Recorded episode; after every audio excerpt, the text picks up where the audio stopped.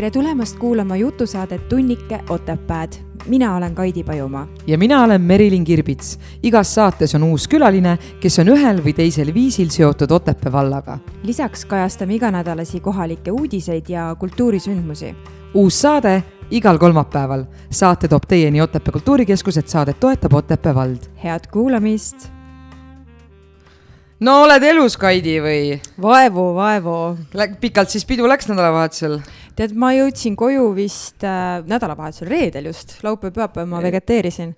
aga ma jõudsin reedel koju vist mingi kaks läbi ja pool kolm sain magama, käisin kuuma duši all, et tohutu tantsimisest äh, saadud äh, higi kord äh, maha pesta ja kuum dušš on alati väga hea, kusjuures ma soovitan, head kuulajad, kui olete ärevil või ei suuda magama jääda, käige kuuma duši all ja ka nagu tõsiselt kuuma duši all. või minge külma vette. ei, see äratab just üles, ei tee kuidagi uniseks aga ei, pidu läks ju meil väga kenasti ja nii palju, kui tagasiside siiani minuni jõudnud on, on kõik väga positiivselt äh, olnud meelestatud. millal sa käisid viimati kaheksakümne kuue aastase sünnipäeval? tead, ei mäletagi, aga kui ma seda sissejuhatavat teksti kokku panin, mida Merle nii kenasti ette kandis, siis ma mõtlesin selle peale, et mis see tähendab saada kaheksakümne kuue aastaseks, nii et need mõtted said sinna küll. et ma mõtlesin küll selle üle, mis tunne oleks saada kaheksakümmend kuus. No vot, nii et mõelge, mis, mis tunded teid ennast valdaksid, kuulajad, kui te saaksite elada kaheksakümne kuue aastaseks või isegi rohkem, saja kuue aastaseks mina vist, mina vist ei viitsiks nii kaua, ma tahaks nagu ära lõpetada selle tee, jama, selle jama siin ja võib-olla natuke puhata ja siis tulla uuele ringile. vaat mina vist olen see, kes usub praegusesse hetke ja ma kütaks ikka nii kaua, kuni mind veel hoitakse.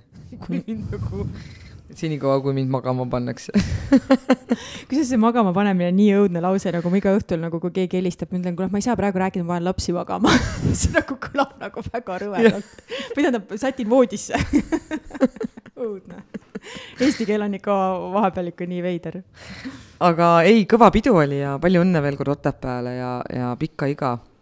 et äh, aga me ei ole ju täna kahekesi siin. tõsi, ei ole ja teen kohe väikse sissejuhatuse ja tänane külaline ütleb enda kohta nii.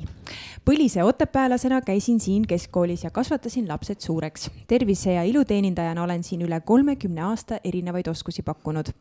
hobidest esimesel kohal on teater. viimastel aastatel on lisandunud Otepää kandi ajaloo uurimine just läbi piltide.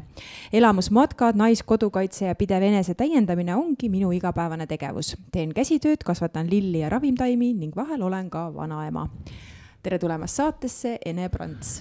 tere, tere. hakkame kohe lõpust pihta, mul tekkis kohe selle sissejuhatava küsimusega, et, et kes, kes reedel peol ei olnud, siis et mõlemad Kaidi ja Ene olid äh, lava peal äh,. nii-öelda olid siis osaks äh, kontsertlavastuse vaheosades ja Ene siis äh, nii-öelda kehastas Heino, Heino mäge või mägi, kumba ütleb? No mägi ikkagi, aga üteldi tegelikult, üteldakse ikka Heinomägi, mägi ja mäe.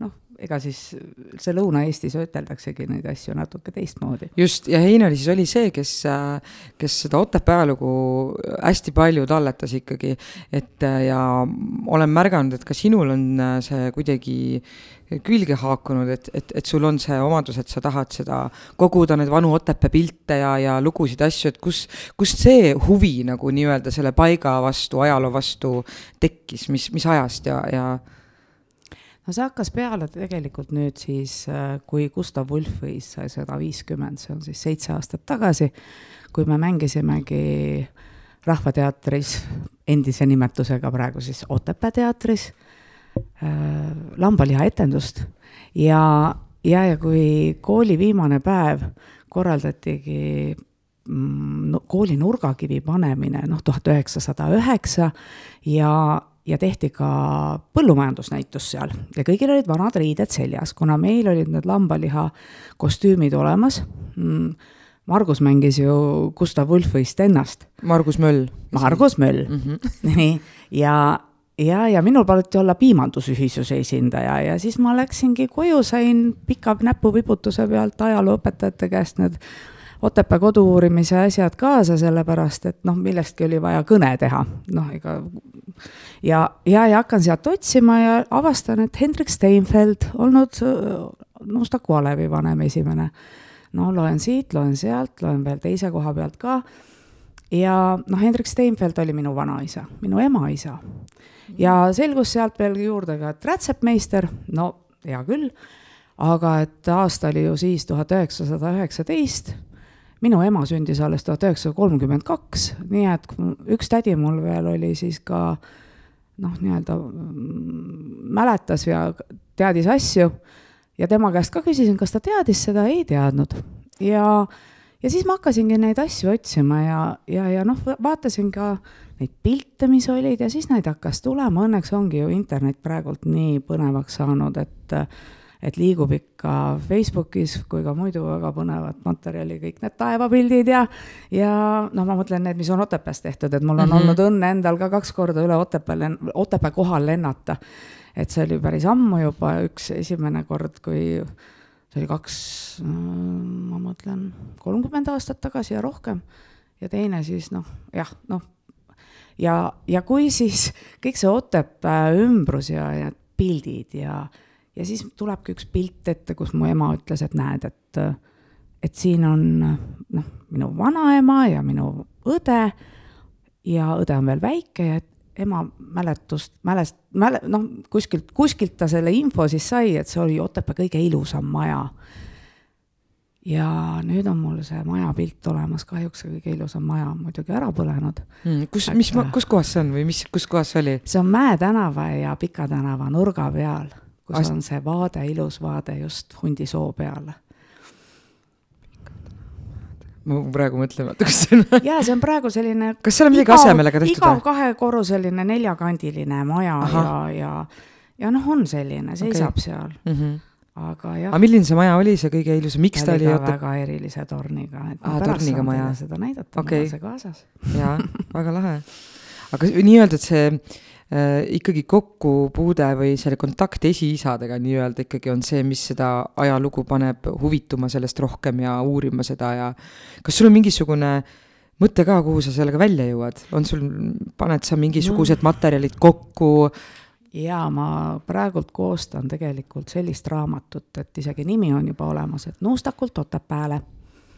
ja, ja selle raamatu sisse siis saavadki pildid, noh, ütleme noh, kuskil sada aastat umbes tagasi ja viiskümmend aastat sinna-tänna tagasi.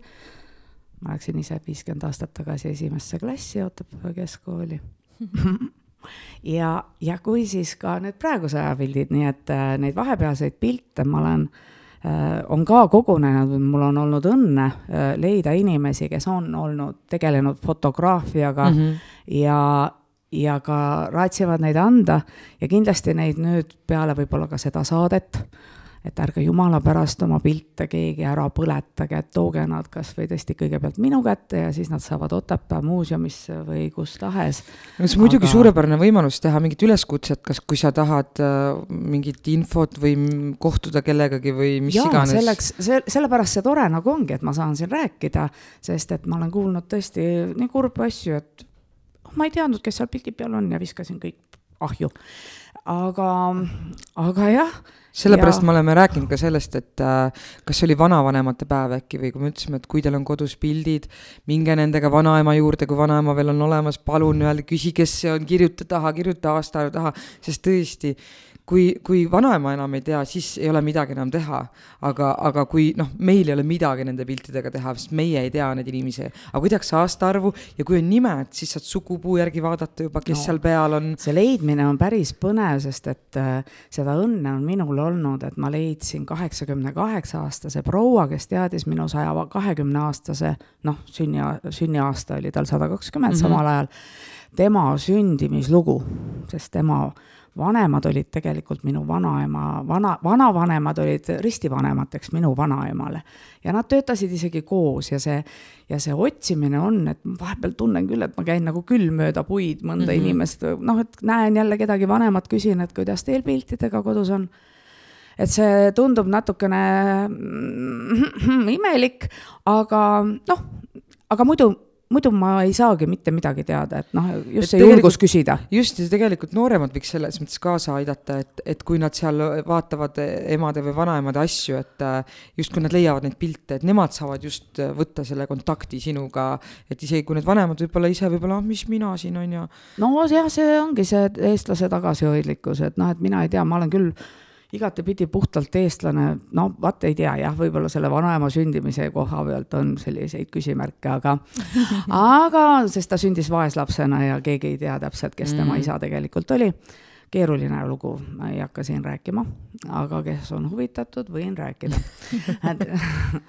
ja, ja, ja kui, kui siis äh, kõik see edasi, mis äh, selle raamatute, raamatute tegemise juures on, et ma olen nüüd vaadanud neid raamatuid ja mul on tegelikult äh, kokkulepe juba kirjastusega, mul on mul on tohutu pildimaterjal, aga et praegune, noh, et ärge arvake, et see niisama lihtne on see, et ma tean, et kus see pilt on, mis on, aga ma pean teadma, kuskohast ma selle pildi olen saanud, kes selle on pildistanud mm. -hmm. ja kõik sellised nõuded on seal. et äh, et ma ei ole oma elu mugavaks sellega teinud mm. -hmm. vahepeal tuleb täitsa hirm peale. aga minu arust on see ikkagi nii tänuväärne töö, sest et, äh, et tore küll, et internet on pilte täis ja meil kodus on pildid, aga need jäävad sinna internetiavarustesse ja need ei talletu ikkagi kuskil, kuskil konkreetses, kuskil koos ja raamatus, et äh, no tehke ikka pilte koju ka ikka, ikka võtke kord aastaski, vaadake Jaa. need pildid läbi ja tehke paremad pildid ikkagi ilmutage just fotode, fotodena. jah, et tänapäeval on ju kõik kuidagi ainult äh, nii-öelda nagu arvutimälus või siis on välisel kõva kettal, et ma isegi olen avastanud, et et järjest äh, prindin mingisuguseid äh, või, või tellin mingisuguseid pilte, et poisil just saab esimene aasta koolis läbi ja tulid just need koolipildid ja vaatasin, et pagan küll, et lapse album on juba ammu täis, juba teine pihutäis oleks vaja juba panna seal teise või kolmandasse albumisse, aga kuidagi ei jõua üldse selleni, et kõik ongi sul kuskil arvutis või telefonis, et see paberkandjal piltide omamine kuidagi on jäänud veits vist niimoodi unustuste hõlma juba, et tegelikult võiks ju ikkagi hoida alles, sest noh, arvutist sul võib ju iga kell see ära kaduda, onju. no praegused need albumid on muidugi väga mugavad, noh, saab sinna need pildid vahele panna mm. -hmm. aga aga vanade albumitega, et ma olen töötlenud läbi ju kõik need Otepää teatripildid, vaadanud läbi, noh, seda me tegime ju koos, kui Kalju Ruueni skaneeritud, mul on kõik need olemas, videod ja kõik. Kalju Ruueni sada, sada aastat oli ja, ja see oli, see oli minu meelest üks väga tõsiselt uhke näitus, et äh, nüüd saab teater kuuekümne viie aastaseks mm. aasta lõpus ja, ja noh, kuidagi võiks proovida ikkagi need pildid jälle uuesti nagu kasvõi natukeseks ajakski jälle ülesse saada. aga need on kõik olemas ju selles mõttes, nad ju aga, aga kas see, kas nii-öelda, et kui sa pidid selle kõne tegema ja sealt hakkas see huvi tekkima, ei, et kas see võiks ikkagi öelda, et teater on see, mis sind kuidagi selle ajaloo juurde ka äh, no teater tõi on või olnud minu elus ikkagi juba viieteistkümnendast eluaastast või veel varem et läbi teatri tegelikult see ajaloo, ajaloo huvi ikkagi jõudis sinuni no ka see, see info jõudis läbi teatri minuni mm. -hmm. muidu, kui ma ei oleks tõesti pidanud seal sellel üritusel kaasa tegema, ometigi see on ka Heino Mäe äh, paaris raamatus täiesti kirjas, et äh, aga, aga noh, meie kodus oli see ka, aga kui minu ema oleks seda teadnud, siis oleks kindlasti Eesti aja äh, tulles, tagasi tulles ta mulle sellest ka rääkinud, aga, aga see vaikiti ju Vene ajal maha ja, ja, ja noh, ei olnudki midagi rääkida, et puh, mis me sellest Vene ajast ka nüüd meenutame, minu meelest oli tore aeg. no vot, te olete nii noored mõlemad mulle siin tütre eest. meil ei ole sellest ajast midagi rääkida, meie Jah. siis äh, lasime püksi ja mina mäletan ainult seda, et kui äh, kroonide peale oli üleminek ja rublad alles jäid, et siis ma mängisin kodus poodi rubladega. kuidas sa mäletad siukest asja? seda ma Vau. mäletan no ju see oli nii eriline hetk, Ma ei et äh, mulle vist raha ei näidatud, me olime vist nii vaesed. küll näidati, aga et lihtsalt see, need on jah, sellised erilised hetked, mis meile nagu meelde jäävad, et minul on just meeles ka see vanaisa matused on meeles, mul on vanaisa ka meeles. ma olin kolme poole aastane, kui ta suri aga ma mäletan, et mu tädipoeg sündis ja, ja ta hoidis äh, seda väikest punni seal pooleaastast äh, kätest kinni jala peal ja kiigutas seda ja laulis talle mingit laulu. aga mulle ta ei teinud seda küll mm, -hmm. sest et noh, ma olin juba liiga suur. aga nende matustega tuli mul see meelde, et kui mul vana-vanaema ära suri, suri just see äh, Võrupoolne või Võru, Võru, Võru vana-vanaema, siis äh, ma võisin olla seal mingi kolm-neli-viis või midagi sellist. ja seal oli selline hoone, kus oli siis see, noh, kus oli see lahkunu ja, ja kirst ja siis ma seisin sealjuures, noh, ega ma ei saanud ööd ega mütsi väga aru, mis nagu toimub, aga mul on meeles nagu üks küsimus, et äh, ma ei mäleta nüüd kumb, kas isa või ema, ilmselt ema kummardas minu juurde ja küsis, kas sa näed teda et see on mul nagu meeles, et võib-olla sellepärast, et see tekitas minus nii suurt hirmu tol hetkel, et keda või mida ma nagu nägema pean, aga ma ei mäleta, et ma oleks näinud. sa mõtled vaimuna või mm? -hmm. ema küsis või? jah et kas sa näed teda, sest vaata öeldi, et oli, ja lapsed ja, ja lapsed näevad. võivad ja, näha, eks ju. aga noh, ma ei mäleta, et ma oleks näinud, aga lihtsalt see situatsioon on mul meeles, et võib-olla see situatsioon ise nagu hirmutas mind rohkem kui see tegelikkus. aga jõuame matustest edasi tuleme elu juurde tagasi. just, et, et kas see ähm, see matkamine ja see matkade korraldamine Otepää ümbruses, kas see tuli nagu sellest ajaloo huvist nagu kasvas välja või kuidas see nagu, need käivad ju kokku kuidagi no,, aga need, kuidas? nüüd nad käivad kokku, aga tegelikult algus oli ikkagi see, et äh, ma läksin õppima noh, nii-öelda terve äh, tervisenõustajaks või tervisetoetajaks ja selliseks tehti, tehti selline tore grupp ja need olid nii põnevad päevad, kui me siis seal õppisime noh, koos juba Mirraga hakkas minu alternatiivhuvi ähm, teistmoodi nii-öelda noh, tervenemise ja otsimise peale, et kuidas, kuidas nagu ennast hoida, et mitte jäädagi haigeks, vaid noh, Hiinas on ju teada, et keiser võttis uue arsti, kui keiser haigeks jäi, sest vana arst ei saanud aru, kui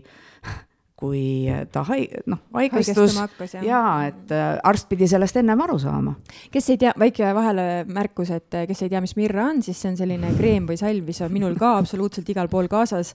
et iga kord, kui ma kuskilt jala ära loen või, või see on ikkagi kaubamärk, ma saan aru, et seal on väga palju tablette ja muid asju tohutu, ka, mida tohutu valik tooteid, äh, ka profikosmeetika, mille, mille ma olen ka kõik omandanud, aga et just, et, et mis meil siin mis meil vajalik on või mitte, et noh, seal, seda ma olen kasutanud nüüd juba kakskümmend aastat ja mind on ka see, ma olen selle ühe kindla kreemi, ma ei tea, kas ta on kreem või salv, selle juurde ma olen jäänud, et kui ma ise ära põletan või käsi, käe või lapsed käed ära põletavad või kuhugi ära löön või, või kuskilt verd hakkab jooksma, et, et see nagu aitab ja, kenasti. kuidas nende matkadega oli, et äh...? matkadega ikkagi jah. ma pean naised, nagu naised, teemad lähevad. juttu nagu... jätkub kauemaks, õnneks. et matkad olid ennem, nii? matkad olid ennem jah, ja, ja selle, selle kursuste käigus oligi vaja nagu korraldada mingisugune sündmus kohalik. ja siis ma tegingi selle esimese matka ümber Pühajärve uh. -huh. ja, ja tegelikult nüüd tuleb juba siis äh, üheksas matk. nii et, äh, et selle ma teen nüüd maikuus, vist vaatasin seal kahe, kakskümmend kaks, kakskümmend kaks on selline pühapäev äh, vot oleks pidanud ennem täpselt vaatama, aga seitsmeteistkümnendal aprillil toimub küll matk, see on sinilille matk, siis teeme ümber Otepää selle. eks ma kasutan jälle neid Otepää pilte, vanu võrdlemiseks ja, ja teeme natukene lühema, sest et Pühajärve matk on ikkagi see seitseteist kilomeetrit mm., äh, läheb ikka kolm pool tundi, noh, kes sõidab rattaga, kes jookseb aga et selline kõndides on ikkagi, ta võtab aega. ja -hmm. tahaks ju, tahaks ju natukene ilu ka vaadata, mis selle Neid hetki ja kohti vaadata ja rääkida on ju just, ja noh, kuna siis kambas koos käiakse, siis ongi see, et meil on natukene terviseampse alati valla poolt kaasa antud mulle, ma olen ostnud neid ja ja, ja need on olnud väga-väga toredad matkad ja ilm on, ükskord on küll matk edasi lükkunud, sellepärast et äh, tõesti tuligi bussnuge põhimõtteliselt taevast. ja, ja siis, ja siis saigi see kaks päeva edasi lükatud ja, ja ühed tüdrukud olid kohal olnud tookord ja olid ka matka ära teinud, nii et ei ole midagi. aga mida see matk siis täpsemalt äh, sisaldab, et jalutategi siis mingi kindlal marsruudil ja sa siis räägid võtan, ajaloost ja? jaa, ma võtan selle matka niimoodi kõhutunde pealt sealt ka natukene ikkagi vaadates, kes on kohale tulnud mm, -hmm. et on lapsi olnud, on vanemaid inimesi olnud. ja jah, ma olen juba päris, päris osavaks muutunud aga kui palju inimesed äh, teavad ümbritsevast, kui sa lähed matkale, kas, kas see info, mis sa räägid, on nende jaoks uus või, või kas nad oskavad küsimusi, küsimusi esitada, kas nad tunnevad huvi, kas neil on olemas see huvi? No põnev oli juba see, kui me tegime kümme aastat hiljem peale keskkooli lõpetamist, ma tegin matka Otepääl mm. -hmm. ja kõndisime mööda linna ja klassikaaslased ütlesid, et uskumatu, kuidas ikkagi kõik on nagu muutunud, et muidu sõidad autoga näuh läbi mm. -hmm. ega siis matkadele tuleb ka, tulebki kohalikku küll rahvast, kes lihtsalt tahavadki kõndida ja kaasa lüüa. aga väga palju on ka mujalt tulnud inimesi, on tulnud Tartust, et äh, tänu, tänu Facebookile jõuab ikka info väga kaugele ja Valgast äh, endisi, endisi kohalikke, kes siis tulevad lihtsalt ka, et äh, nagu näha, et see on, see on pära, väga, väga tore on see need matkade, matkade tegemine, mulle on siiamaani veel jah, et kümme korda teen küll ümber Pühajärve ära, vaatame siis, mis edasi saab aga sa ütlesid, et noh, hobid on, on teater ja siis sa teed neid elamusmatkasid ja ma saan aru, et, et ka Naiskodukaitses äh, tegutsed aktiivselt. aga selline igapäevane tegevus, et siis ma saangi aru, et sa tegeled mingisuguse tervendamisega või mis sa siis, mis sa nende inimestega siis teed, kui sa neid parasjagu mööda matkasid ringi ei tari no minu igapäevane töö on, noh, ma olen kutseline massöör mm. -hmm.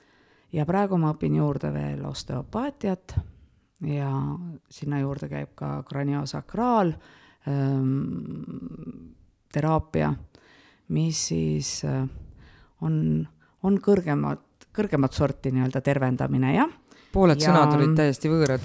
sa ja... pead hakkama nüüd seletama. no kranio, kranio on aju ja sakraal on sinu juurtsakra nii-öelda ja, ja kuidas siis lülisambal on, igal lülil on oma organ, ütleme nii mm. -hmm. et neid pilte on päris paljudes ajakirjades juba läbi käinud, ka raamatutes muidugi. ja ja see on selline rahulik, mitte haiget tegev tervendusvorm, ütleme nii. läbi massaaži siis kuidagi? seal on, seal on nagu võetudki sellised tehnikad, kuidas mm -hmm. sa mhm. kasutad, et, et, et nüüd ma tunnen, mitte läbi massaaži ma ei tundnudki nii palju seda toimet, et et massaaži puhul on väga hea küll, et ongi keha ju vaja liigutada, et äh, aga mitte ainult nahkapidi, see, noh, see on lümfimassaaž, mida ma teen ka, et kui me õppisime juba, siis meid ei olnud väga palju, kes üldse sobisidki lümfimassaaži tegema, et need tundlikud käed need on ju meile sellise töö juures väga vajalikud. issand, mina küll kunagi lümfimassaaži enam tagasi ei lähe, ükskord käisin ja ma karjusin seal valust. ma ei saa aru, kes see teda tegi, aga, aga mina niimoodi kindlasti seda ei tee.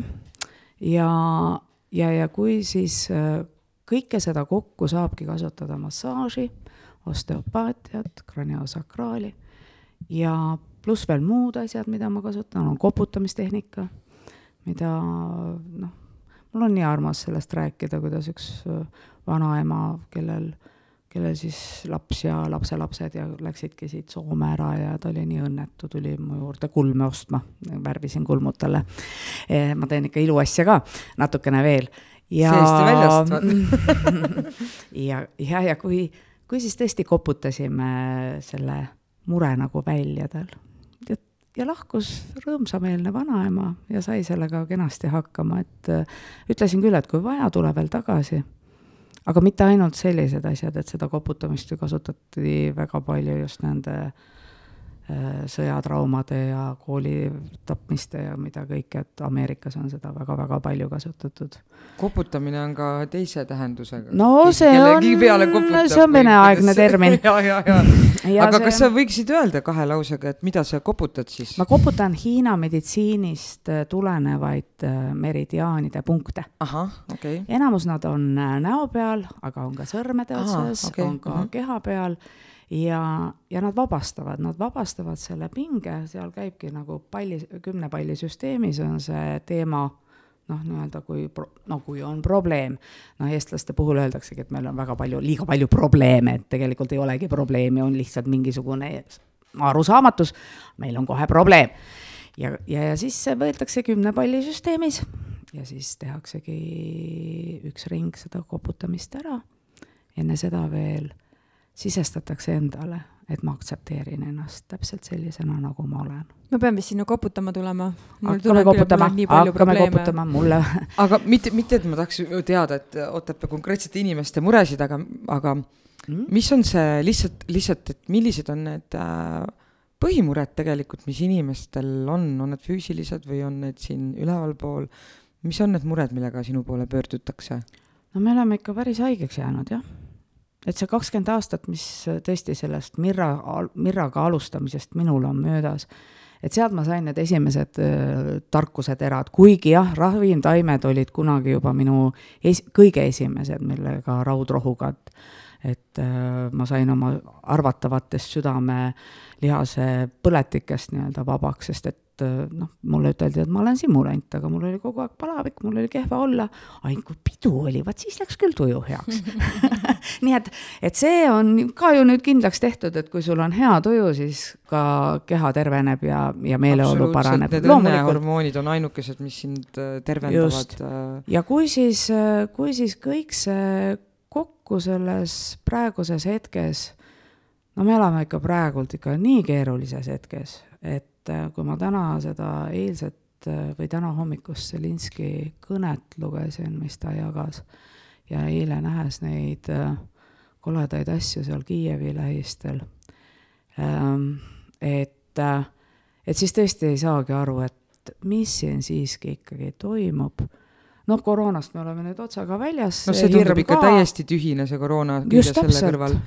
lihtsalt see tundub äh, aru nagu us-, nagu sa, sa, see ei tundu loogiline. täpselt, see ei tundu loogiline, et see, päris see, maailmas toimub. et, äh, et see lihtsalt juhtub meie mm -hmm. ees ja mitte midagi ei saa teha. ja mitte midagi ei saagi teha. see on kõige kohutavam. nii nagu eile õhtul seesama see lugu sealt äh, Kuuuurijast, et äh, noh, ka minul on olnud äh, mälestus esimesest äh,, esimese poja sündimisest sünnitusmajast, noh, seal ei olnud midagi hullu võrreldes sellega, mis selle naisega juhtus.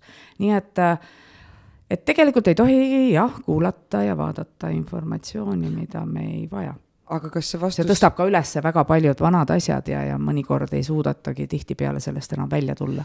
nii et tegelikult need mured on pigem nagu vaimsed, aga väga nad palju. muutuvad füüsiliseks, on ju?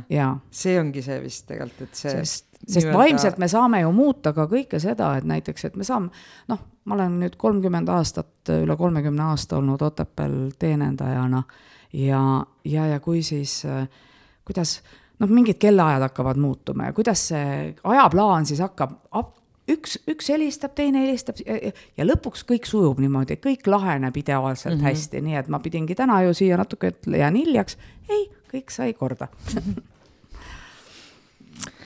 oota, nii, me olime praegu äh, sinu töö juures, on ju? ja ma jäin nii hullult nagu mõtlema, sest ma ütlen, et kuidagi eile ma ka sattusin sellesse voogu, kui äh, Instagramis ja Facebookis jagati nii palju neid äh, Ukraina koledusi ja kuidagi, kui sa nagu kukud sinna jäneseurgu, siis sa lihtsalt lähed järjest sügavamale, sügavamale ja just see, et et minu meelest ei ole nagu inimkeeles selliseid omadussõnu isegi olemas, millega oleks võimalik äh, seda kommenteerida või kirjeldada, mis nagu toimub.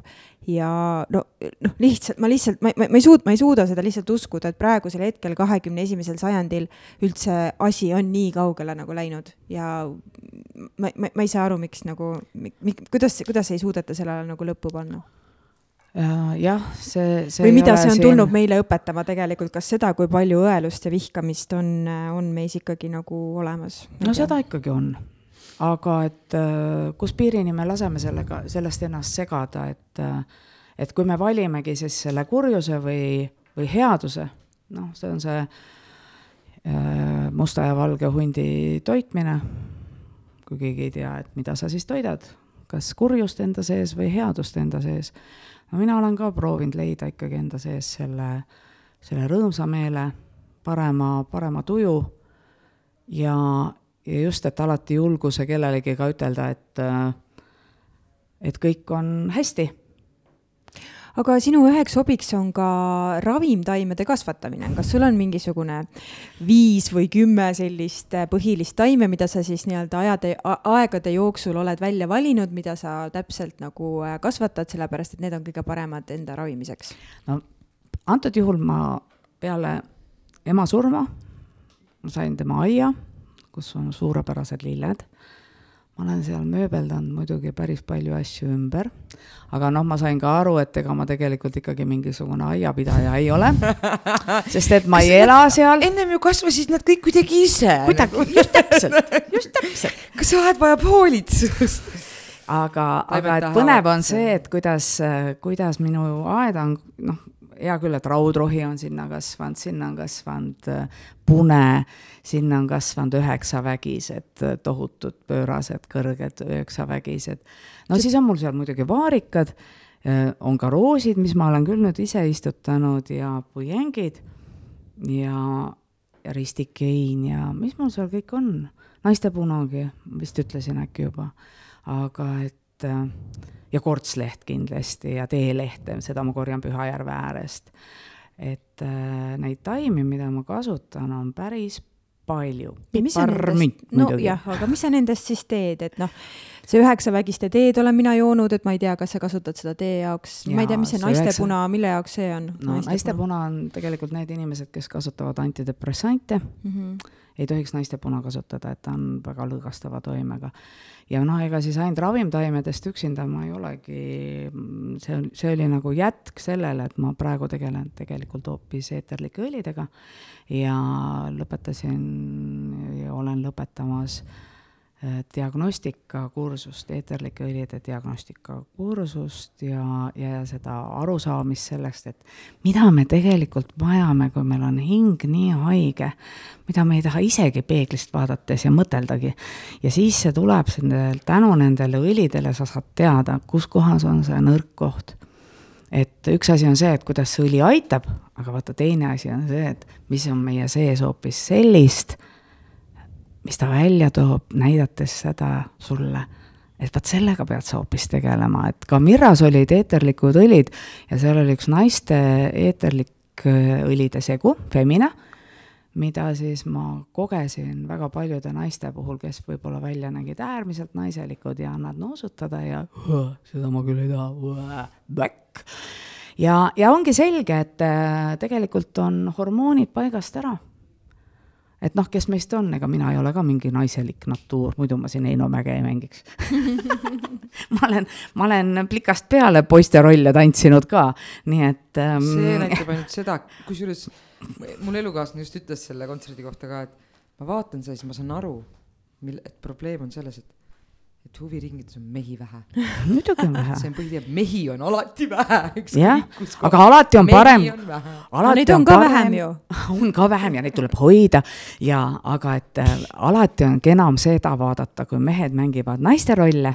just eile Ago Andersoni see äh, kus ta seal seda vigastes pruutides seda mängis, aga et äh, naisena mehe rolli on palju keerulisem jah mängida et see on väga, tegelikult oli see väga tõsine mugavustsoonist väljatulemine aga kuidas see õli siis ikkagi nagu ütleb sulle, et kus kohas see probleem on? nagu ma selle sulle nina alla panen, nii sa teed kohe mulle piisavalt hea näo, kas see sulle sobib, kas see meeldib? aga kui mulle meeldib, mis see siis või tähendab? või on neutraalne mm, -hmm. no see on see on tegelikult poolteist tundi oh. istumist, et äh, see on päris Issa, suur. pea valutab nendest lauludest. ei valuta, see on nagu arutelu ja sellest siis, siis alles, sellest võetakse välja see teadmine mm. -hmm. mis on ja see käib ka läbi sinu enda soovitu-, soovi ikkagi, et vot see, midagi on puudu, natukene äkki midagi vürtsi, äkki mm -hmm. hoopis puitu, äkki hoopis mm -hmm. putusõli ja, ja siis segame, segame õli aga kuidas sa üldse jõudsid selle terviseteemani, kas sul endal oli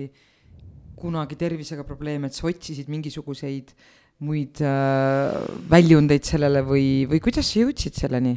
no ma ennem rääkisin sellest raudrohust, mis mind päästis nendest südamelihaste põletikest mm. -hmm. et ma olin väga hädas äh, põskkoopa põletikega, noh, need tulid ju peale nohu ja.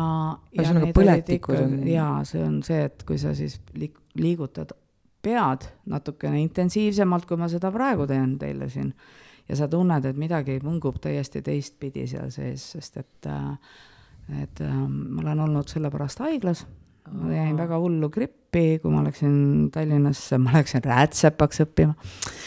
aga seal Rätsepa kool, see läkski Tallinnas mul niimoodi, et ma jäin seal viirusesse, ma läksin näost nii paiste, et ma sattusin Tallinna haiglasse, ma olin kaks nädalat seal ja siis mulle tehti seda põskkoopa-loputust, mida ma praegu teen iseendale, kui mul väga kaua aega ei ole nohu enam olnud. ma suhteliselt väldin piimatooteid, väldin nisujahu. jah, kui pidu on, siis söön. hea tujuga, luban endale seda süüa, aga on kahjuks inimesi, kes ei saa ka isegi suhkrut süüa leiba, võib-olla see leib on veel kõige suurem kurjajuur. no seal on kõik koos ju.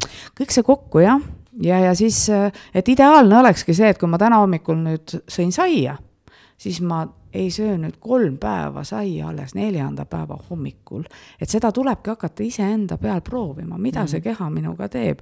et mulle on tulnud tüdruk ligi ja et ma, ma noh, poiste, minu, minu kolme poja, kelle, kelle, kellegi sõbra pruut, et, et teadis, et ma tegelen selliste teistmoodi asjadega ja just ka toitumisega. ja, ja, ja toitumise muutmisega midagi, see, mitte seda, et ma midagi nüüd kõik ära võtan, vaid see tuleb vahetada ümber, et noh, et et ise ma ju küpsetan ka rukki asemel praegult ikkagi endale tatraleiba mm. -hmm. ja ta tuli, küsis, et ma jätsin endal nisujahu välja, sellest on otsast kümme aastat kindlasti tagasi. Ja ma võtsin kohe kolm kilo kaalust maha ja mul on nii hea olla, et kas see võis ikka sellest olla, ma ütlesin, et jaa, kindlasti. Ja nüüd ma kasutan lihastestimist. on olemas ka inimesi, kes tõesti testivad ka aparaatide abil neid äh, toidunorme, tehakse vereproove, tehakse uriiniproove. Et aga mina kasutan noh, lihastestimist, tegelikult ma vaatan näkku ja ütlen otsast ära, mis sobib, mis mitte no mina mm. ei saa tegelikult suhkrut süüa ja ma tean, et iga kord, kui ma teen selle otsuse, et ma söön midagi magusat, siis ma kannatan pärast kaks päeva sest lihtsalt kogu aeg on nii hull magus isu, tahaks kogu aeg magusat süüa. ja aga, see on narkomaania kõrgem aste. sa oled õnnelik inimene, et sul halb hakkab, mul hakkab nagu hea korraks, kui ma söön. päriselt, mul hakkab nii halb, mul hakkab pea Ega... ringi käima, hakkab valutama, tuleb selline mega uimps, lisaks kõhuvalu, kõik asjad nagu kohe no, terve kompott. aga huvitav nagu..., millest see. see on nii erinev, inimese, inimese no, seedesüsteem on nii erinev. sellest siis eemal hoida, on ju, ei, söön ja kannatan, sest lihtsalt nii suur isu on, vaata. ja see on erinev veel siis, kui on praegu kevad, kui on suvi, kui on sügis, kui on talv, et kui mm -hmm. sa mhm. kõigest sellest nagu hakkad aru saama, et mida sa vajad. et eh, näiteks magusaisu üks põnevamaid peletajaid ja ehmatajaid on terasoola keele alla no ma olen isegi seda kuulnud. aga tegelikult ka suhkruvajadus tekib ju mingisugusest no. ainepuudusest. sa peaks, ma ei tea, korralikult sööma sellel hetkel võib-olla või midagi. proomipuudus nagu,. noh, et ei teki Alati. nagu seda noh minul, minul on, on küll see, et kui mul, kui reaalselt mingi isu on, siis tegelikult on, come on, söö midagi normaalset, söö mm. mingit toitu nagu. jaa, söö kõht täis. söö oma ained mm., muu ained ära kõik, sul ja. ei ole vaja seda ja. kiiret energiat, aga mina olen sellest aru saanud, et suhkur ju isu tekib siis, kui äh, mul on energiapuudus mm. -hmm. ja, aga tegelikult äh, peaksin ma sellel hetkel puhkama ja magama äh,. aga keha tekib sihuke vale, vale nagu signaal, et meil on energiat vaja, meil on energiat vaja, et öösel üleval olla, ei, mis asja, kurat, mine magama nagu.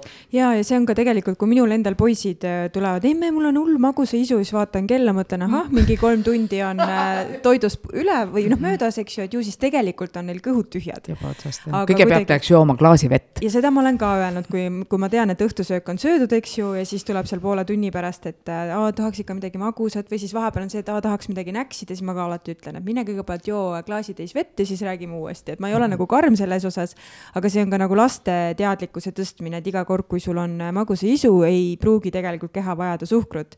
ja noh, mina, kuna ma ei saa väga palju suhkrut süüa, siis ma olengi praegusel hetkel nagu asendanud äh, puuviljadega, et noh, ehkki seal on ka see puuviljasuhkur. aga, aga noh, näiteks hommikuti ka, kui ma söön müslit, panengi sinna seda banaani, apelsini ja ilge hunniku kaneeli, mulle hullult maitseb kaneel mm. ja ta teeb palju magusamaks toidu, siis läheb tegelikult ka see magusa isu üle, aga lihtsalt. mis kaneeli sa kasutad? Mina ei tea, mingi pulber on ju. no vot ongi, et see, mis lõhnab väga intensiivselt, see on tegelikult kassi ja see on siis Hiina kaneel, aga no. et et ja jah, ta on ka magus ja ta lõhnab tugevamalt, aga mm, -hmm. ja need on meil enamusel see Santa Maria ja kõik nad müüvad seda, sellepärast vahepeal ju räägiti. pakendis mingi no, teine. oi, neid on nii palju.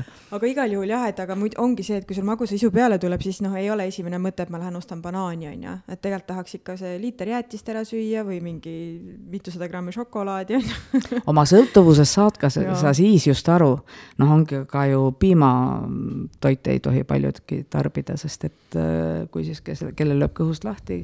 aga mitte ainult see lak-. nohu nii-öelda tekitab ja. see on -hmm. Hiina meditsiinist tulenevgi selline rõga tekkimine ja mm, -hmm. ja, ja ka nahaprobleemid ja tegelikult liigeste probleemid ja närvisüsteemi probleemid. et need, kes, kes suudavad jätta selle välja, proovida ära kolm kuud. ja juba siis sa saad aru ja kolmest päevast on vähe kolm nädalat on ka liiga vähe, siis on nagu ju tuleb mm -hmm. just vastupidi, tulebki see et siis tuleks nagu poest eemale hoida, et mitte sa neid asju ei ostaks, et kirjut-, tellidki Selverist endale toidu, jah mm. -hmm. ja, ja, ja kui sa siis suudad sealt magusaletist või leiva või saialetist niimoodi rahuliku kõ- kõhutundega mööda kõndida ja piimaletist muidugi ka, et ei tõmbagi kohukeste poole, et ma tean lapsi, kes on ainult kasvanudki kohukese peal. et noh, et see ei ole ju mõistlik ja siis neil on kõhud kinni ja, ja mis hädad kõik on. aga et äh, siis oled sa vaba aga siis tekibki tunne, et ei saagi midagi süüa, leiba, siis saia ei saa süüa, kohupiima ei saa süüa, juustu ei saa süüa. on, tegelikult on vahetada välja väga palju asju, et Mina- äh, mina- köögiviljad on need muidugi, millele me peaksime rohkem üldse Jaa. rõhku panema. tatar, ma ei tea, mis iganes. Toortatar on ju, ma olen ka neid kõiki asju katsetanud, ma olin kaks aastat olin ju täiesti vegan, nii et igasugune Aa. pruun riis, punane riis, tatar erinevatel kujudel, aga ikkagi Ei ma liikusin sealt mugavuse tõttu ära tegelikult, sest palju mugavam on olla või noh, me oleme enda mugavustsoonis kinni, on ju, palju lihtsam on ju haarata kõige lihtsam asi poest, kui et äh, hakata mingeid asju otsima, ka. poes ei ole kõiki neid asju, eks ju, ja siis lähedki närvi ja võtad ikka sellesama mingi peenleiva ja hea toitumine ongi, mul mees kohe ütles alguses ära, et kui ma sellega, seda õppima läksin nagu noh, ju tegelikult enda pärast, et ma tahtsin ikka täitsa toitumisterapeudiks nagu jõuda, aga lihtsalt äh, raha sai otsa ja tuligi äh, selline kitsas, kitsas aeg kätte.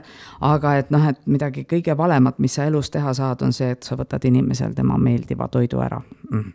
nii on see on ikkagi väga palju ikkagi peas kinni, et äh, kui ma olen kõige muuga heas kohas, ma võin vabalt äh, tegeleda ka toitumisega mm. -hmm. aga nii, kui mul läheb muu asi tasakaalust välja, siis läheb, läheb nurka, tulevad mingisugused batoonid ja vedelikud, suhkruvedelikud. ühesõnaga, see kõik on seotud ainult selle vaimse selle tasakaaluga. emotsioonidega täiesti. ja, ja sellega on seotud ka liikumine, kui mul on, kui mul ei, on nii palju tööd, mul pole aega liikuda, reaalselt tegeleda sellega, siis läheb kõik muu jälle paigast ära, nii et käib nagu Ameerika raudtee, vaata, kõik on hästi, kõik toimub, toimub ja siis läheb tõesti. ja no aga elu ongi selline kõver, et noh, et Jah. keegi ei taha, kui mul see ühtlane bii tuleb, siis noh, tegelikult elu lõpp ju.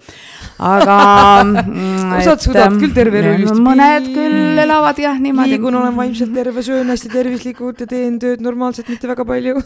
Mulle väga ma ei meeldib usu meie. ma ei usu, et sellist inimest olemas on. on, on, on, on, on, On, on, on. sa pole.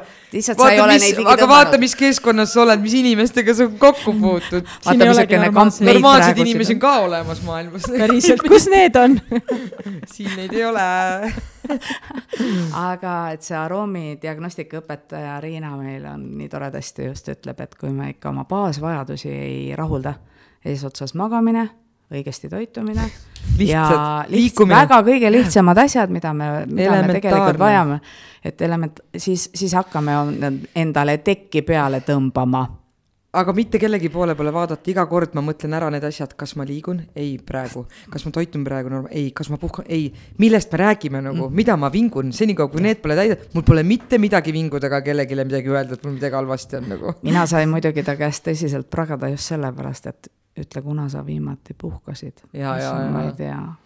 ja, ja puhkus ei ole, kogu aeg töötab. puhkus ei ole tegelikult nädal aega, ei ole kaks nädalat, ei ole kolm nädalat, puhkus tegelikult on nagu sa ütlesid, tegelikult kui sa tahad kuidagi vaimselt terveneda, siis peaks mitu kuud puhkama tegelikult. kusjuures mina tundsin, et ma ei oskagi puhata, sellepärast et kui meil see reedel see suur sündmus. oi, tegelikult nüüd Reed- alles või? reedel see suur, oot-oot-oot, reedel see suur sündmus äh, maha peetud sai, eks ju, siis äh, olin äh, maal, need lapsed olid mul äh, vanemate juures ja laupäev oli veel selline niisugune nagu paar tundi oli niisugune vegeteerimine, siis ma võtsin selle aja, et noh, ma olin lihtsalt nii väsinud füüsiliselt õhtul juba jooksin ühele sündmusele, aga pühapäevaks ei olnud mul midagi planeeritud, eks ju, ja ma tundsin, kuidas kolme-nelja tunniga minu see ärevus kasvab, et issand jumal, kuidas ma olen niisama, mul on vaja midagi teha, no siis ma hakkasin mööbeldama ja remonti tegema kodus, nii et äh, ja ma olen jumala rahul, et ma selle ära tegin, ma olen nii rahul oma No uue hea uue köögiga sellel- nagu, aga ma ei oska lihtsalt aga sellel ärevuse hetkel tulebki tegelikult äh, minna kas äh, jooksma, kõndima, ühesõnaga äh, mm -hmm. lükata see mingisugusesse füüsilisse tegevusse. ja hakkasingi remonti me, tegema. just, või mingisse meeldivasse tegevusse mm, -hmm. et äh, muidu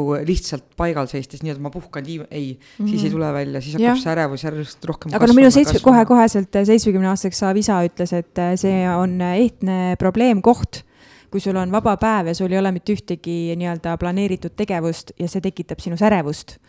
Ehk Jaa. siis nagu midagi, midagi on nagu vajaka või puudu või üle või siis ma, siis ma kallistasin neid ja lehvitasin ja-jah ja siis läksin koju ära remonti tegema. sest minu ainuke puhkus on olnud elus tõesti olla kaks nädalat Egiptuses ja, ja, ja meil olid kaasas meie pere noorem poeg, noh, noorim ja tütar. ja, ja see on tõesti olnud see aeg, kus sa ei pea süüa tegema, sa ei pea praktiliselt pesu pesema.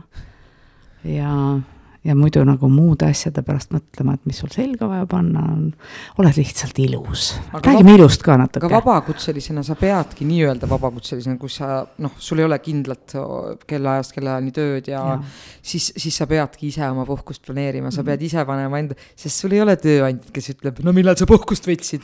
sa oled iseenda tööandja, sa pead võtma selle vastutuse ja võtma selle puhkuse. mina olen küll juba plaaninud siin maikuus Otepäämail maal puhata ja maal äh, tatsata nagu. ma olen täiesti veendunud, et sa book'id kõik päevad täis endal midagi. ei, mul on, aga see on füüsiline töö ehk puu, puude tegemine ja mulle meeldib saagida ja trimmerdada ja siukseid asju teha. meie panime laupäeval ämma juures, mu ämm saab üheksakümmend, väga vitaalne proua. ja, ja, ja panime puid öö, kuuri alla väga imeilus. mõnus tegevus. väga mõnus tegevus. aga nagu sa ennem ütlesid just paar minutit tagasi, et äh, räägime ilust ka, et sa oled olnud ka iluteenindaja väga pikalt, et mida sa siis täpsemalt teed või mida sa praegusel hetkel veel pakud või mida sulle endale kõige rohkem meeldib teha selles valdkonnas? no jah, maniküür on kindlasti see, mida kõik nagu teavad, et ma kõige rohkem teen, et on siiamaani võib-olla inimesi, kes arvavad, et ma siiamaani seda ainult teengi.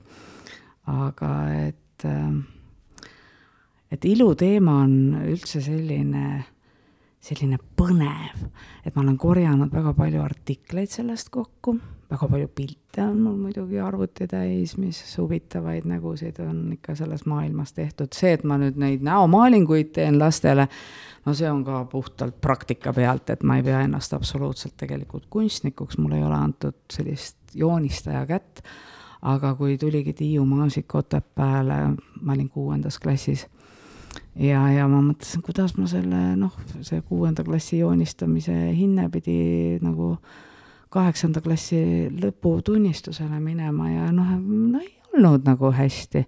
ja siis järsku ta paneb mulle viie, esimese, teise, kolmanda. ja ta ütleb, et ma saan aru, mida sa mõtled, jah, ma saan aru, et sul ei ole kätt. ja nii see läkski, nii et mul tegelikult joonistamine sai sinna lõpuks viie ja, ja viie ja kui ma mõtlen järgi seda tunnet, võib-olla see oli esimene kord üldse esimese õpetaja poolt, kes mõistis noh, nagu ehtsalt ka mind. ega noh, mu ema ei saanud ka must väga hästi aru, ega mu õde ka ei saa must aru. mees ja lapsed ka vist väga mitte no,. vahepeal ise ma ikka vist natuke saan Tiiu oli äge õpetaja. oli. ma käisin temaga kunstiringis ka, ta oli ikka väga. ja, ja siis see esimene töö. küpsetaminegi sinna juurde, et noh, et, et noh, noh, kõik on iluga ju seotud, kui sajaaastane naine küsib enne pildistamist, kas ma olen ilus, siis tähendab, see on see on kõige tähtsam asi siin asi. noh, järgmine asi on edevus, okei okay,, kõik näitlejad on edevad, mitte keegi ei saa ütelda, et nad ei ole, muidu nad lavale ei julgeks minna ja ei tahakski minna. aga aga, aga kus piirini? keegi ei märka tihtipeale seda tagasihoidlikkust võib-olla hoopis, mis siis ka inimeses on mm,. minus on seda väga palju, aga, aga on hetki, kus kohas sa ei saa seda lihtsalt kasutada, sest et on vaja minna ära teha mm. -hmm. et äh, pigem on see selle taha jäänud, muidugi karakter ongi, et noh, et mis, mis loom saab olla üks draakoni aastal sündinud kaksik ma olen sellepärast astroloogi juures ka käinud aga ilu on kindlasti väga-väga tähtis ja, ja ma imetlen praegult, olen, imetlen neid saateid, kus naised ja mehed ka on läinud ja lasknud ennast korda teha, ennast noh, kes kümme aastat nooremaks, no vahet pole, mis number see, aga nad on saanud enda heaks, hea tunde endale. et, et neil on uued hambad suus, neil on ju, mm -hmm. juuksed korras, neil on nahk parem, neid on ju, võimeldakse nendega ja mida nendega seal kõik ära ei teha, aga aga et ma olen alati tahtnud, et kõik naised tunneks ennast vahetevahel kuningannana. et äh, aga tead, see ilu on muidugi oluline küll, aga, aga mis ma ise nagu olen äh, mõelnud, et sa võid ju olla väliselt väga üles vuntsitud, sul võib olla kõige ilusam kleit, kõige ilusamad aksessuaarid, parim jumestus, parim, äh, parim äh, soeng. aga sitt iseloom ei, aga kui sa oled nagu selles suhtes seest tühi või sul on mingisugune koorem hingel kanda või sa oled haiget saanud mm, -hmm. siis isegi ka, ka kõige, kõige siiramad äh, komplimendid sel hetkel, et oi, kui hea sa täna õhtul välja näed, need nagu jooksevad mööda külge maha. ehk siis ma mõtlengi nagu seda, et äh, nagu vanarahvas on öelnud, on ju, et ega ilu ei anna patta panna, et, et sa võid mm -hmm. nagu olla ilus ja teha ennast ilusaks ja tundagi ennast ilusana. aga oluline on ikkagi nagu sealjuures mõista nagu seda, et äh, et see väline ilu nagu sulle sind õnnelikuks nagu ei tee. jaa, aga sellepärast on väga palju, enamus sõjad on sellepärast alguse saanud just naiste ilu pärast, mitte midagi pole parata. et seda tahetakse küll teisipidi nagu maha suruda, et jah, et kas see on vajalik, loomulikult sisemine ilu ja järgmine asi, mitte ainult see sitt äh, iseloom, vaid ka kurjus kui sa, kui sa seest oled ikkagi kuri ja pahatahtlik. pealt pilt ilus, siis. no ega see on ka ju kaugele näha muidugi on näha ja see ilu on üldsegi selline nagu, kurat, see on ikka nii laim mõiste ka selles mõiste. mõttes, et kuidas seda ilu nagu kasutada, mis on üldse ilu ja mis on nagu üldse ilus, kus lähevad ilu piirid, on ju, meil on mingid iluideaalid äh,. noh, seda ei saa isegi kuidagi määratleda kindlalt, vaid kindlalt, vaid et mõni inimene, ta ei tee midagi, ta on lihtsalt nii ilus ja nii seest ja. kui väljast ja ta ei pea midagi tegema, teine peab kõvasti vaeva nägema, et natukenegi hea välja näha. minu meelest see on ikka tänapäeval kuidagi nagu naistele nagu eriti suureks koormaks, et äh, minu meelest nagu noh, ma ei oska nagu mingisugust ajastut tuua, sest ma ei ole nagu niimoodi tundub, uurinud. tänapäeval on ikka eriti lihtne, tegelikult sa võid karvaste jalgade ja dressidega ringi käia, sa ei pea sa ei pea kandma neid suuri parukaid ja ma ei tea, mis. täisid sügava seal sees. just, korsett ei no ja, ja mitte seda, aga ikkagi eeldatakse, et, et naisi, noh, oleneb, ma ütlen, et ilu on subjektiivne, eks ju, kes mida, milles äh, ilu näeb. aga üldiselt on ikkagi see, et ma ei tea, kõhnad naised on ilusad, on ju, meigitud naised, ma ei tea, pikkade juustega, mis iganes naised on ilusad. aga samas tegelikult looduse poolt ei ole ju naine loodud olema lihtsalt ilus, ta on, ta on loodud olema elukandja, elu edasiviija, kõik see, et, et kui sa oledki seal korpulentsem, on ju, siis vanasti ju pigem nagu vaadati, et mida laiemate puusudega, seda ilusam, sest ta suudab nai-, nagu last kanda ja last sünnitada, on ju et noh, mis sa selle kaks konti ja ühe hais nagu ikka väga pihta hakkad, on ju. ja linnuriigis on üldse teistmoodi. ja täpselt, on mehed, on mehed need edevad, on ju. just, just mm.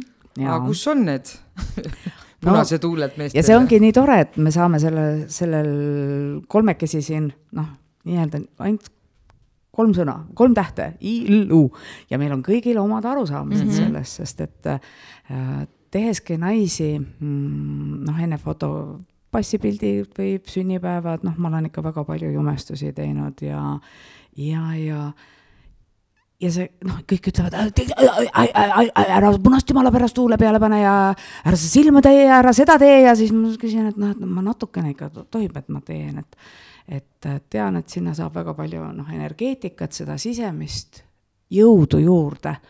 Ja harjuda peegli ees olema, ütleb, ma esimest korda jumestan ennast, kes ütleb, et hea küll, pulmapäeval ma viimati siin, viimane jumestus oligi selline, et, et jah, pulmapäeval ma viimati seda tegin, noh. aga, aga see tunne tegelikult sees, sa näed, kuidas see pea läheb püsti, see kehahoiak läheb õigeks, soeng on ka veel peas ja vot see ongi see sisemine tunne, mida me tegelikult vajame. Ja siis tõesti, kui sa tead ise, et sa ei näe kõige parem välja ja keegi tuleb ja ütleb sulle, no küll sina näed täna ilus välja, no siis mõtledki, et no mida sa valetad. Ja, ja, ja siis on need teised, on ju, kes, kes äh, nii-öelda ei pooldagi seda äh, nägude joonistamist nii-öelda, vaid et räägivad sellest nagu mingit, seda pole vaja. Ja, aga see on ainult puhtalt enesetunde küsimus. Ongi ja minu arust see, ja selle võikski jätta igale ühele endale otsustada, milline ta välja näeb ja mida ta endaga teeb või. no vot, on olukordi, kus kohas ikka, kui inimene hästi enam ei näe ja käsi väriseb, vaat siis võiks keegi teine seda teha, eks. just, siis on juba vaja sekkuda. Soovituslikult. Aga, aga ütleme, sa käisid sa oled Otepääl äh, ju sündinud, sündinud, kasvanud, siin koolis käinud ja siia sa oled ka jäänud miks? No, nagu selles mõttes, ma olen küsinud teilt, miks maailm on suur ja lai, on ilusaid kohti, miks no, ma läksin Tallinna, jäin haigeks, olin haiglas, arst ütles, et minge oma kõrgmäestikku tagasi, kust te tulite. et sa oled äh, nii sõnakuulelik. ei olen, ma olen totakalt sõnakuulelik olnud, ma olen ema sõna kuulasin ka väga korralikult, keegi ei usu ka, et ma tegelikult nii korralik olen. aga ma isegi vahetevahel ei usu aga eks see paljude jaoks on naerukoht, aga see on see, kui, kes mind tegelikult ei tunne, et äh, üks asi ongi see, et me keegi ei tea tegelikult kellegi teise sisse mm, -hmm. mis seal taga on või mis seal sees on.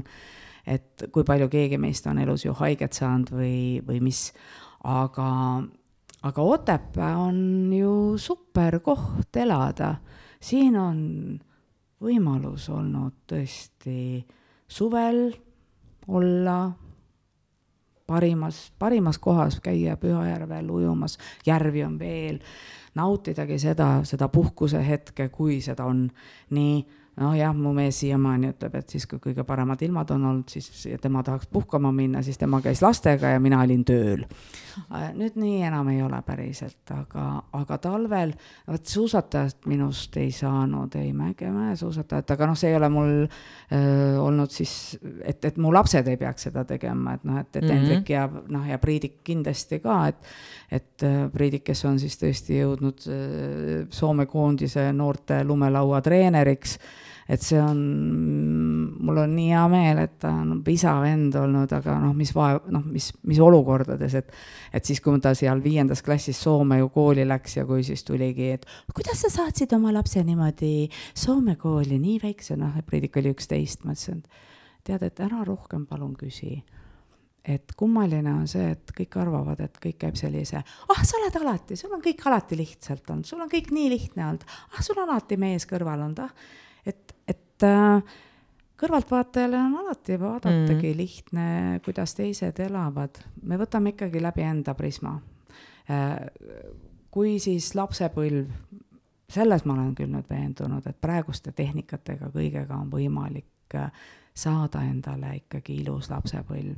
et need asjad, mis meiega on juhtunud, need on juhtunud, aga suhtumist annab sellesse muuta mm. -hmm. mitte see, et sa käidki kogu aeg nagu sangpomm on sul jala küljes kaasas ja sa vead seda nagu tõesti noh, oi jumal, mul on kogu aeg nii raske, oi see ja too ja see ja vaata, mis see mulle tegi ja vaat. ega ma ise kipun ka vahetevahel sellele noh, nii-öelda libastuma kahjuks sellel vooruse kitsal rajal et tuju läheb sandiks ja siis hakkab hale, aga, aga nutta ma ei oska, nii et äh, siis peab ikka väga hale olema, jah, eile, eile ma küll noh, see, et klump tuleb kurku ja vot seesamagi emadepäeva pidu, kui kui lastega me koos äh, teatristuudio tüdrukutega need õhupallid olid ja ma pidin laulma seda isa kallis hällilaulu, hällilaulu. ja, ja, ja, ja, ja proovide ajal kõik oli normaalne isa laulis mulle seda laulu. Ja siis hakkad laulma, vaatad, kuidas need oma poegade klassivennad seal ja klassiõed on noored emad, kõik seal isad. ja tuli see klomp mulle kurku ja ma, ime, et ma pinisesin selle laulu ära, appikene küll et ma tõesti ei hakanud nutma, et nii palju on see teatrielu ikka tõsiselt aidanud, et noh, sa saad nagu saada endast siiski üle, aga, aga see on üks väga, väga armas hetk olnud ja, ja ühtpidi valus on meenutada, et, et ma ei saanudki lauldud nii, noh, nii nagu ma tahtsin. lapsed ei saanud aru, mis minuga juhtus.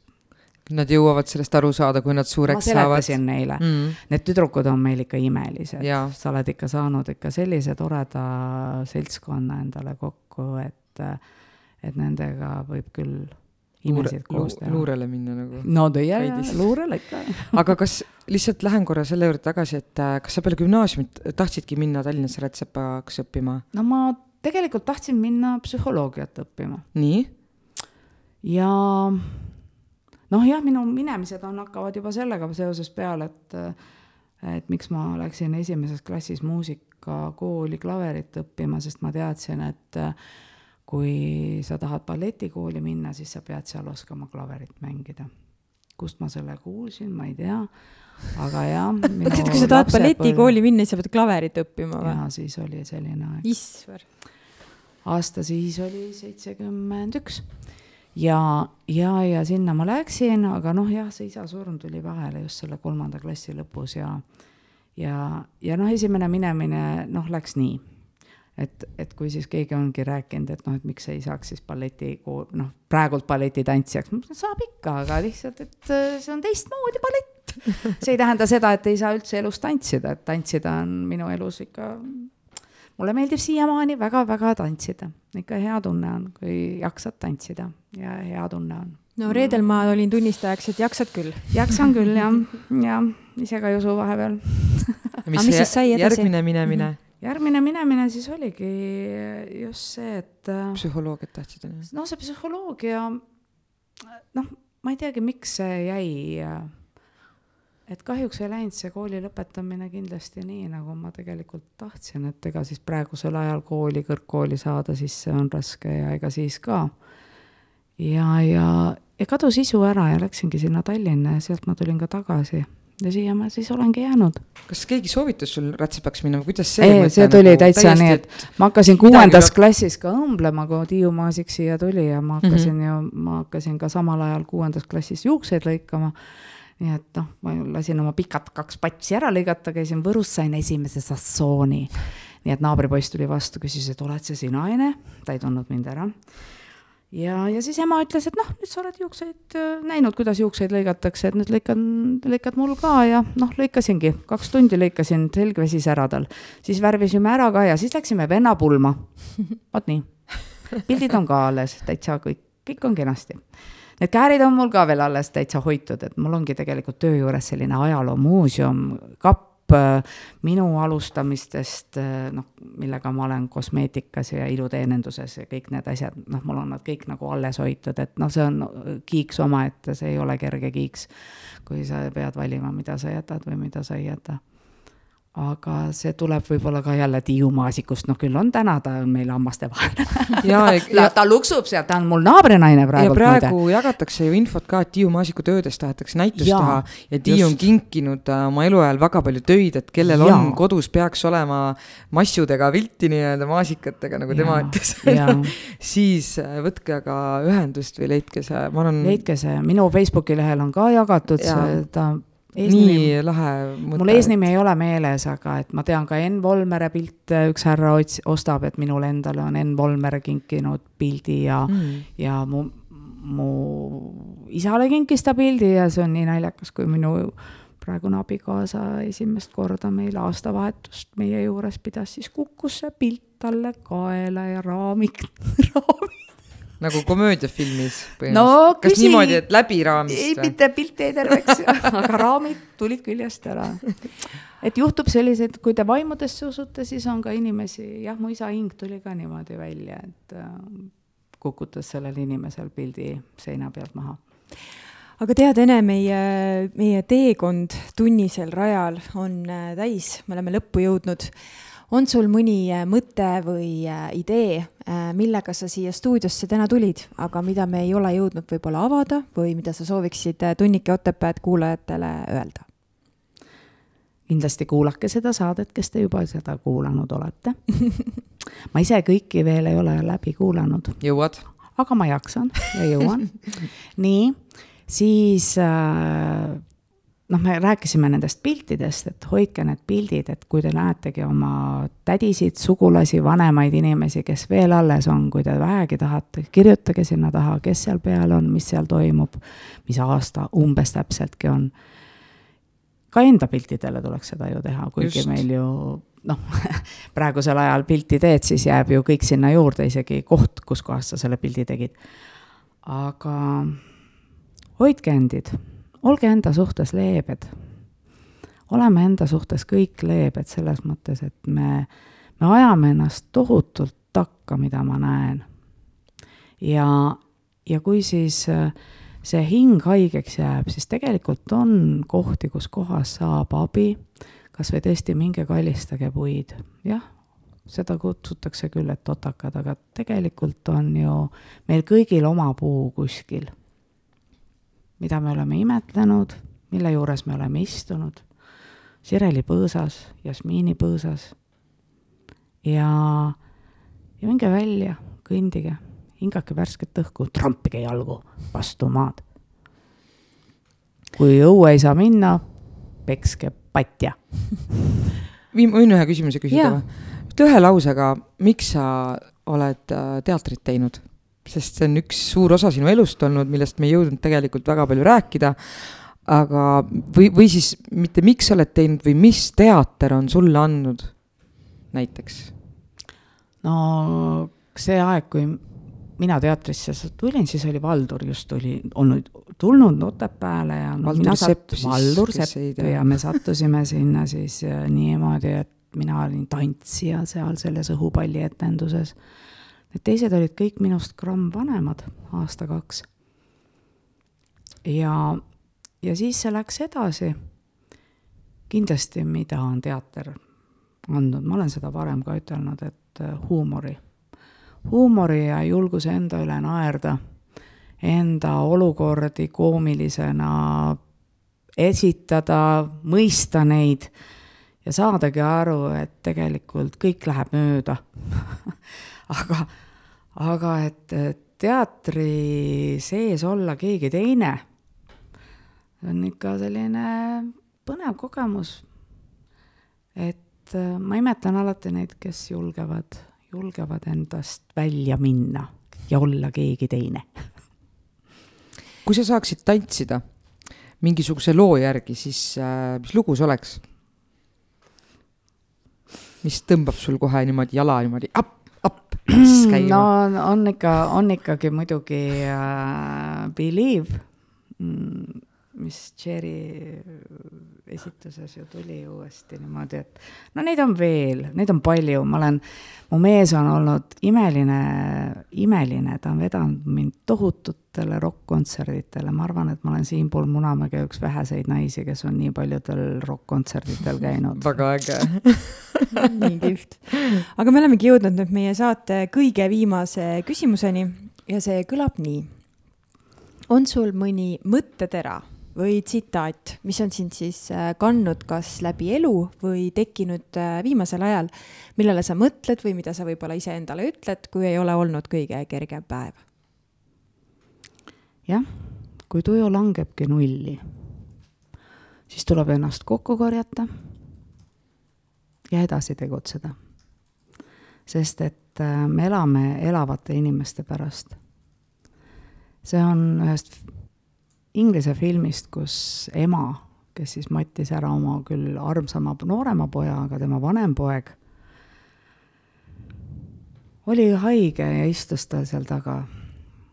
ja muidugi leinas olles see ema ütleski, et kas ma olen hulluks läinud. ma unustan ära elavad enda ümbert ja mõtlen nendele, kes on läinud, keda tagasi enam tuua ei saa. nii et äh, elame veel nagu prillidoosis. juh, Relinna. ma ei vaata prillidoosi mina vaatan kusjuures. mina ka. aga aitäh sulle, Ene, tõesti äh, aitäh, et sa tulid, jagasid äh, ennast meiega ja hoia sina ka ennast ikka. jaa, ja aitäh sulle. teile ka suur tänu